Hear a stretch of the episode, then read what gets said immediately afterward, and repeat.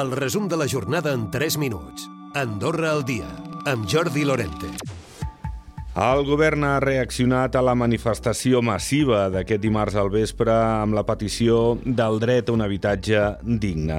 Els congregats criticaven l'acció de govern en la matèria. L'executiu diu que ha pres nota i reconeix que potser no han sabut explicar suficientment bé el projecte de llei i afirmen que protegeix els arrendataris. Xavier Espot, cap de l'executiu. Evidentment, ahir en aquesta manifestació hi havia un clam eh, contra determinades polítiques del govern en matèria d'habitatge, segurament contra la idea que s'ha instal·lat de determinades polítiques en matèria d'habitatge que potser, com he dit abans, no es corresponen ben bé a la realitat, però crec que també, i no em correspon a mi a interpretar el sentit de les persones que es van manifestar ahir, però vull pensar també que hi havia un clam eh, perquè tots i cadascun dels responsables polítics fóssim capaços de posar-nos d'acord, de consensuar mesures i de no utilitzar la temàtica de l'habitatge, la temàtica de la inversió estrangera, la temàtica del creixement urbanístic com una arma llencívola la fins ara presidenta del Consell d'Administració de la CAS, Montserrat Capdevila, allarga el moment en què el sistema de pensions pot entrar en números negatius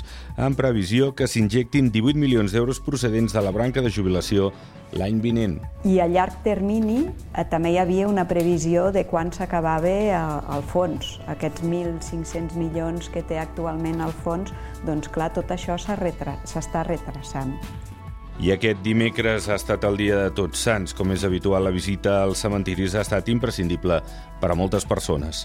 A visitar els familiars, els familiars que aquí amb els pares i el fill, mirar per ells i, i netejar-ho. És difícil quan arriben aquests dies, però després el recordatori el portes sempre dintre. Llavors, eh, vindre i portar-li una planta, una flor, qualsevol cosa, sempre és maco. És maco els altres dies de l'any, però en aquestes ocasions pues, més. Des d'aquest 1 de novembre és obligatori portar equipaments de neu per circular pel país. A causa de la manca d'estoc de l'any passat, enguany els tallers han estat més previsors i podran fer front a tota la demanda. El preu dels pneumàtics d'hivern ha augmentat amb respecte a l'any passat.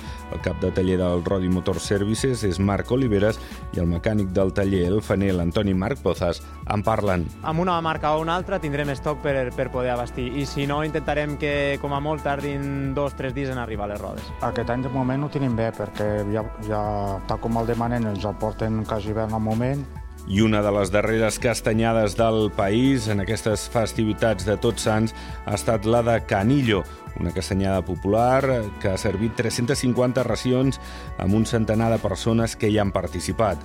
S'han cuinat 130 quilos de castanyes i el got de moscatell tampoc no ha faltat a la festa de la castanya, com tampoc la música de la mà de Canillos Band.